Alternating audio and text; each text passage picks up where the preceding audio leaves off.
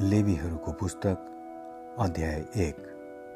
परमप्रभुले मोसालाई भेट हुने पालभित्रबाट बोलाएर भन्नुभयो इजरायलीहरूलाई भन् तिमीहरूमध्ये कुनै पनि मानिसले परमप्रभुको निम्ति बलि चढाउँदा तिमीहरूको पशु बलि गाई गोरुको बथान अथवा भेडा बाख्राका बगालबाट त्यसले चढाओस्।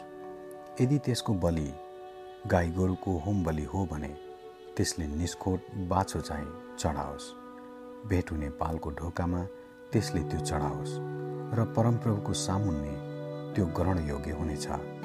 त्यसले होम बलिको टाउकोमाथि आफ्नो हात राखोस् र त्यो त्यसको प्राश्चितको लागि ग्रहणयोग्य हुनेछ। त्यसले त्यस बाच्छालाई परमप्रभुको सामुन्ने काटेर मारोस् अनि हारुनका छोराहरू अर्थात् पुजारीहरूले रगत नजिक लगेर भेट हुने पालका ढोकाका सामुन्नेको वेदीमा वरिपरि छर्कुन्। त्यसपछि त्यसले होम बलिको छाला काटेर त्यसलाई टुक्रा टुक्रा गरी काटोस्। पूजाहारी हारुनका छोराहरूले वेदीमा आगो लगाएर दाउराहरू सजाएर आगोमाथि राखुन्। हारुनका छोराहरू अर्थात् पुजारीहरूले वेदीमाथिको आगोमा राखेका दाउरामाथि ती टुक्राहरू टाउको र बोसो सजाएर राखुन्। त्यसले त्यसका आन्द्रभुँडी र खुट्टाहरू चाहिँ पानीले धोओस् र ती जम्मैलाई पुजारीले वेदीमा जलाउन्।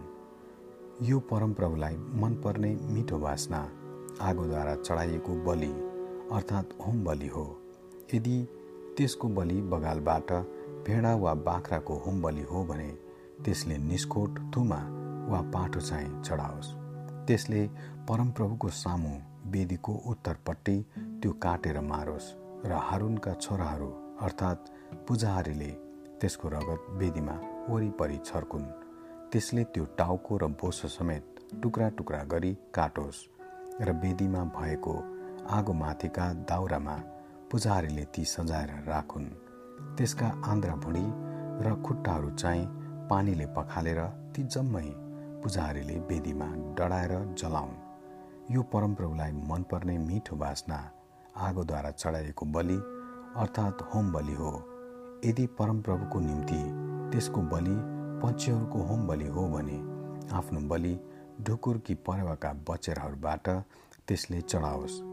पुजारीले बेदिनेर त्यो ल्याएर त्यसको टाउको निमुठेर चुडाउन् र त्यसलाई बेदीमा जलाउन् अनि रगत चाहिँ बेदीको छेउमा निथोरियोस्। त्यसले त्यसका मल समेतका घुस्यौटी झिकेर विधिको पूर्वपट्टि खरानी रहने ठाउँमा फ्याँकोस्। त्यसले त्यसलाई नटुक्राइकन पखेटाको बिचबाट फारोस्। पुजारीले विधिमा भएको आगो माथिका दाउरामा त्यो जलाउन्। यो परमप्रभुलाई मनपर्ने मिठो बास्ना आगोद्वारा चढाइएको बलि अर्थात् होम बलि हो। आमेन।